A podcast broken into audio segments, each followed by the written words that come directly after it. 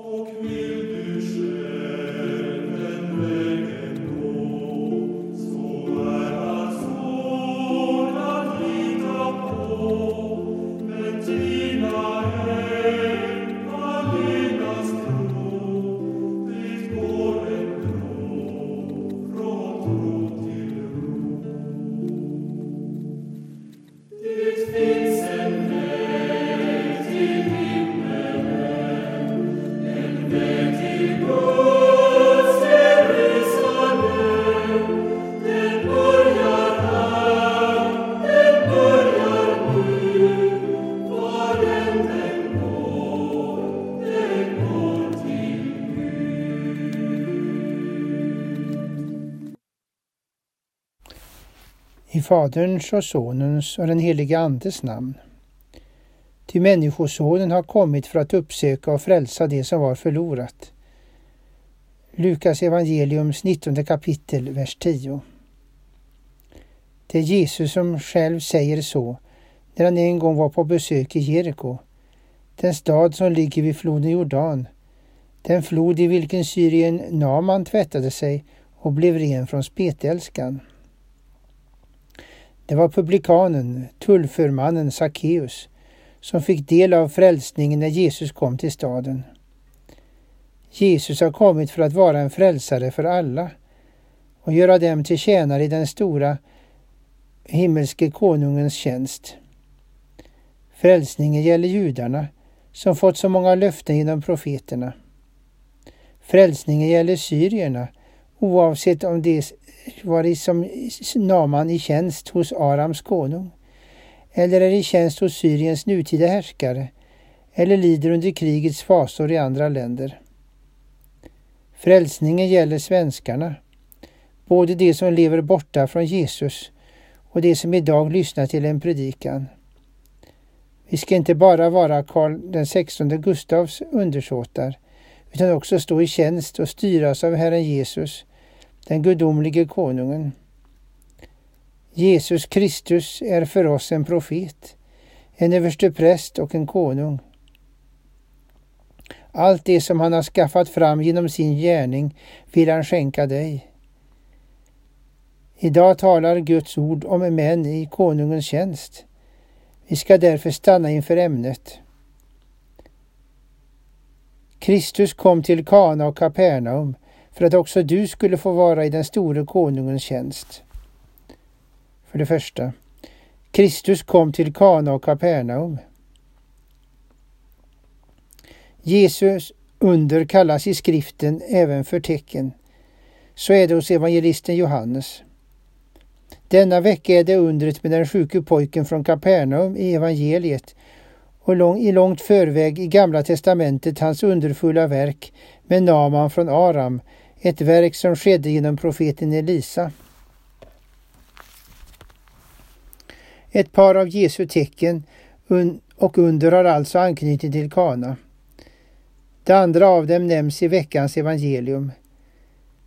De underfulla orden från Jesu mun uttalades i Kana, men den familj som Jesus hjälpte synes ha bott i Kapernaum. Jesus vistades också i Kapernaum och han undervisade där. Kanske hade den hjälpsökande mannen som var i konungens tjänst hört eller hört om Jesus. Nu var han i nöd. Sonen var sjuk. Då gjorde han det rätta. Han tog sig till Jesus och fastän Jesus befann sig en bit bort. Man får bära svårigheter och glädjeämnen till Jesus. Mannen fick anstränga sig för att komma till Jesus. Ansträngning och försakelse hör hemma i den kristna tron, även om Guds nåd ges fritt och förintet. Jesus själv fick betala en stor kostnad för att hjälpa dig. Så skulle väl du inte mena att du måste komma billigt undan när det gäller att vinna och behålla livet med Jesus? Guds ande vill slå undan alla falska stöd som du har så att du faller i Jesu famn samtidigt som han vill bereda dig på att det kostar på att behålla det goda förhållandet till honom. Något som det har varit dyrt att förvärva sätter man nog större värde på och så kan det vara även om det man fick var en gåva. Ty gåvan krävde försakelse och fasta när man bad om den. Dock, du fick gåvan på grund av Guds ynnest, inte därför att du var förtjänt av att få den. Konungsmannen lade fram sin nöd. Sedan satte Jesus honom på prov och när mannen stod fast i sin bön, då hjälpte Jesus honom. Mannen hade förtroende för Jesu ord om att sonen levde och när han var på väg hem upptäckte han att sonen blivit bättre när Jesus uttalat sina gudomliga ord. Ordet var verksamt. Man kan också säga något om det första tecknet i Kana, även om det hör hemma förra veckan och då på första årgången. Tecknet innebar att Gud hjälpte ett brudpar i nöd. Det skedde som ett svar på förbön och inte som svar på parets egen bön. Men det var något viktigt och stort att Jesus och hans lärjungar var bjudna, oavsett om det var paret själv eller deras släktingar som stått för inbjudan. Att börja bygga sitt hem i Jesu namn är välsignelserikt. Även om man inte bad Jesus om hjälp hade man bett, i Jesus på, till in, bett in Jesus på bröllopet. När det gäller nöden så vet vi inte om paret förstod att den fanns innan Jesus avhjälpte den. Jesu mor Maria var uppmärksam på vad som skedde. Hon var förmodligen en van husmor, hade tydligen en vaksam blick och framförallt visste hon att man skulle bära bekymren till Jesus. Det gjorde hon på ett enkelt sätt. Man ska be och man får vänta bönhörelse, men samtidigt visar bröllopet i Kana att man inte ska ta den för given. Det vill säga ber man om syndernas förlåtelse och evigt liv ska man vara viss om att få det eftersom det är en andlig sak som Gud har lovat att ge. Det är alltid gott och nyttigt att få Guds nåd och gemenskap med Jesus. Men när det gäller jordiska ting så ska vi också gå med dem till Jesus, men vi ska också be ske din vilja. Vi vet inte alltid vad som är bra och nyttigt för oss, men det vet Gud och han ger oss det vi bett om när hans tid kommer, eller så ger han det som är bättre och nyttigare. Tänk på förbönens gåva och möjligheter och att Jesus själv är en förebedjare för dig inför sin fader i himmelen. Jesus svar och hjälp visar också det här att Gud svarar när hans tid kommer. Maria la fram nöden men gav inga närmare föreskrifter. Jesu mor Maria och fadern från Kapernaum, vilken evangelisten berättar om, handlar på likartat sätt. Kana ger också en fingervisning om att Gud har instiftat och gillat äktenskapet. Brud och brudgum får börja och fortsätta sitt gemensamma liv i Jesu namn. Får de barn till skänks eh, ska det göras som konungsmannen gjorde, nämligen bära dem till Jesus påtagligt och i förböner. Det finns mycket nöd och många bekymmer som Jesus vill ta hand om. Det är lätt att glömma varför vi behöver påminnas om det. Du får vara glad över det Jesus ger. Kapernaum tycks ha varit något av en bas för Jesu verksamhet. När Gud blev människa gick han alltså in under våra villkor.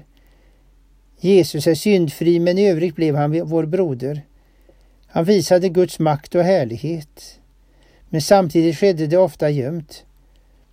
Han är en kung, men det var inte meningen att han skulle vara en härskare som tillfredsställde folks själviska begär. Han är den som har all makt i himmelen och på jorden.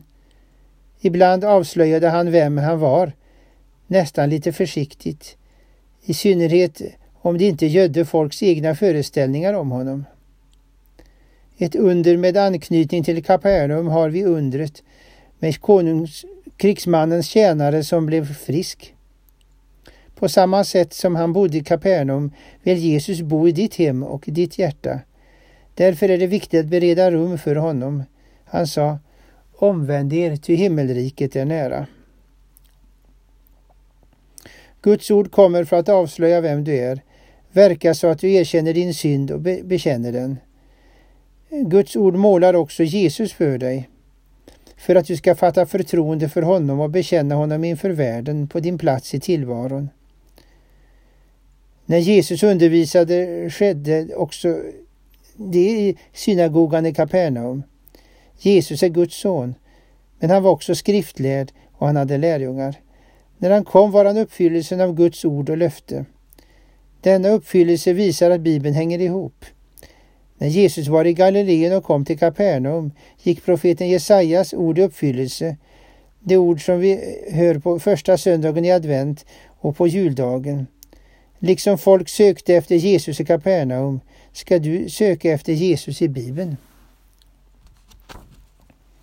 Jesus talade en gång stränga ord mot de städer i vilka han hade gjort så många kraftgärningar. Det visar att Jesus gjorde många tecken och kraftgärningar men också att inbilsk obotfärdighet är en envis egenskap hos oss människor. Jesus straffdom gällde bland annat Kapernaum. Evangelisten berättar och du Kapernaum skall kanske upphöjas till himmelen. Nej, ner i helvetet skall du fara. Ty om de kraftgärningar som utförts i dig hade gjorts i Sodom skulle det ha stått ännu idag. Men jag säger er, för Sodoms land skall det på domens dag vara lindrigare än för dig. Av det kan man lära. Det medför stort ansvar när man har god tillgång till Guds ord. Man har väl alltid ansvar för hur man Eh, tar vara på Guds kallelse och utan tro på Jesus har man sin skuld kvar. Men det finns en fara i att man stänger sitt hjärta och blir hård även när man har riklig tillgång till undervisning från Jesus. Det är alltså både allvar och glädje med Jesus, allvar med att leva som människa och glädje över syndernas förlåtelse och löftet om uppståndelse och det eviga livet. Du får vända dig till Jesus i all nöd och be honom att han har lov, det han har lovat dig att ge. Du får också i övrigt samtala med honom. Det är en förmån för den som känner Jesus. När du läser i Bibeln hur olika bedjare ber så kommer du att se det.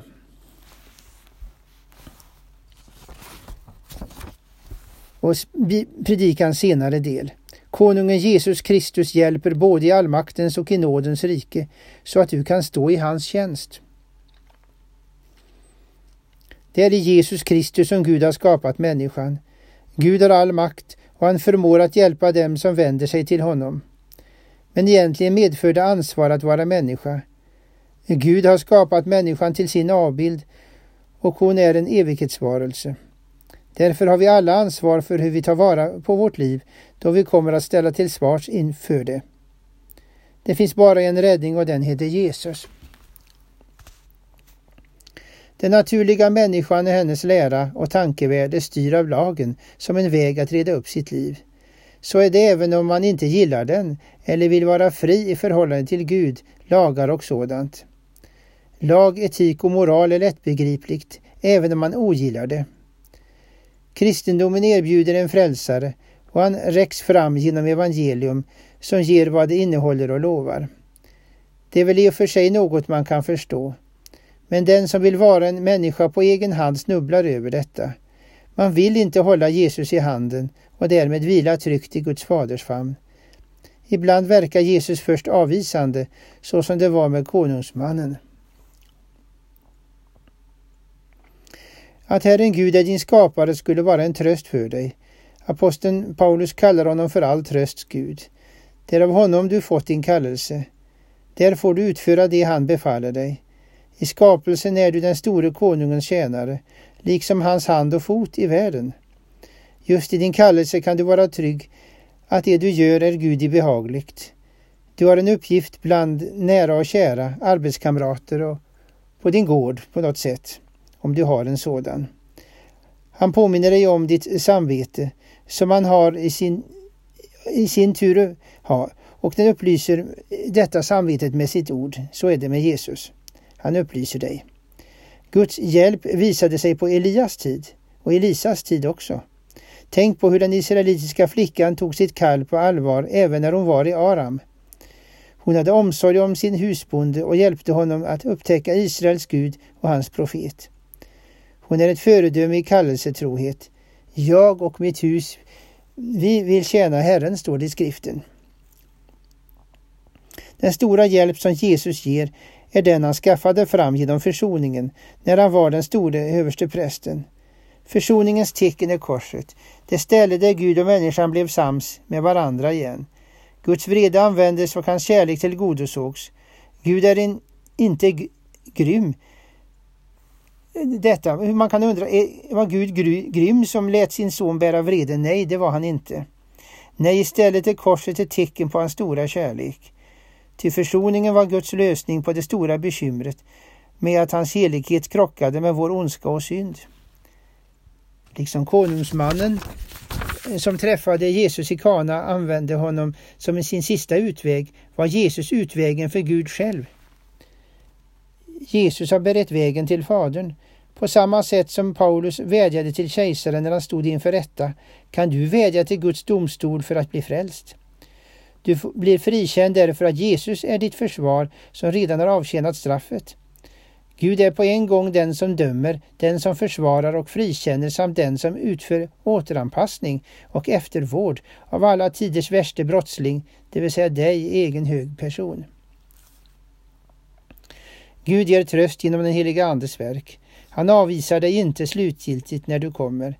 Anden hjälper dig att tro utan att begära tecken och han låter dig få övning i att lita på ordet. Samtidigt uppmuntrar han dig att söka hjälp hos Jesus i både andliga och timliga ting. När du har ditt kall i den store konungens tjänst så är du hans vaktpost som ska ge akt på den ondes krypskyttar och förrädare, men som kan lita på att konungens högkvarter sänder förnödenheter i nådemedlen. Muck blir det när du kallas ut ur tiden. Men efter tiden kommer Jesu vänner att få den saliga evigheten som är målet för livet som den himmelske konungens man här i världen. Amen. Ja, du har fått lyssna till Kyrkliga Förbundets veckoandakt, och i den här veckan var det Anders Eliasson från Uddevalla som ledde vår betraktelse, där han talade till oss utifrån den kommande helgens tema på tredje söndagen efter trettondagen. Jesus skapar tro. Ja, han skapar tro i våra liv genom att vi lyssnar till hans ord, men också när vi hör och ser de tecken som Herren själv gör ibland oss. Och här i dagens andakt så fick vi då höra Anders tala till oss om ett par sådana där under som skedde i Bibelns tid, när Jesus grep in på ett alldeles särskilt sätt och botade den här officerens tjänare, men också gjorde vin till, eh, vatten till vin i, på bröllopet i Kana. Och här i vår eh, veckoandakt ska vi nu få gå vidare med att eh, lyssna till en eh, psalm, psalmen 644 i psalmboken. Ut i din nåd, och det är ungdomskören OPQ som sjunger för oss denna psalm, alltså psalmen 644, Ut i din nåd, o Fader blid, som har både svensk och finsk text i vår psalmbok.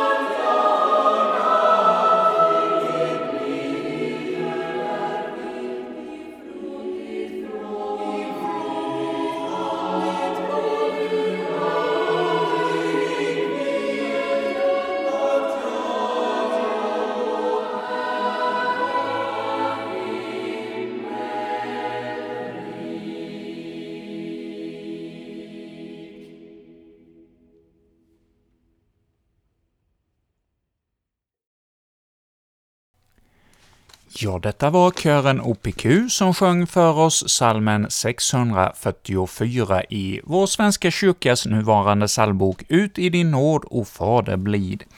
Ja, denna psalm står bland de nordiska psalmerna. Det finns ju några psalmer samlade där med eh, på olika nordiska språk. Och denna psalm, 644, ja, den har eh, också då sin eh, text på finska med i denna vår psalmbok, och eh, ja, varför de har valt just att ha den på finska, det vet jag faktiskt inte, för jag ser här att författaren var en tysk eh, teolog som skrev den här psalmen på 1600-talet, år 1609 så skrev B först denna psalm som eh, vi då fick med här i vår psalmbok och som vi har här i Kyrkliga Förbundets andakt fått lyssna till här denna kväll.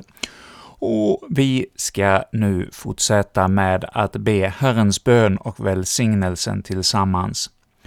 Fader vår som är i himmelen, helgat var det ditt namn, tillkommer ditt rike, Ske din vilja, så som i himmelen, så och på jorden. Vårt dagliga bröd giv oss idag, och förlåt oss våra skulder, så som och vi förlåta dem oss skyldiga äro. Och inled oss inte i frestelse, utan fräls oss ifrån ondo. Ty riket är ditt, och makten och härligheten i evighet. Amen. Och så ber vi också om Herrens välsignelse för den kom, denna kommande kväll. Herren välsigne oss och bevara oss. Herren låter sitt ansikte lysa över oss och vara oss nådig. Ja, vänd ditt ansikte till oss och ge oss din frid i Guds, Faderns och Sonens och den helige Andes namn. Amen.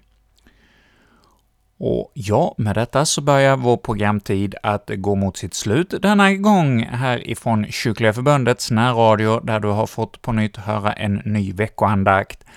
Och du är om en vecka återigen hjärtligt välkommen att få höra en ny veckoandakt från oss här i Kyrkliga Förbundet.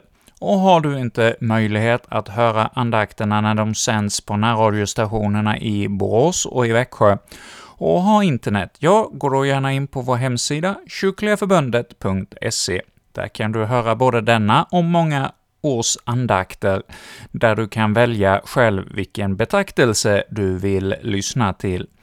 Och på Kyrkliga Förbundets hemsida så hittar du också information om bokförlaget och om eh, Kyrkliga Förbundets tidning Kyrka och folk, en månadstidning, som alltså kommer en gång i månaden, och du kan där på hemsidan också läsa en hel del av artiklarna som finns med i eh, Kyrka och folk.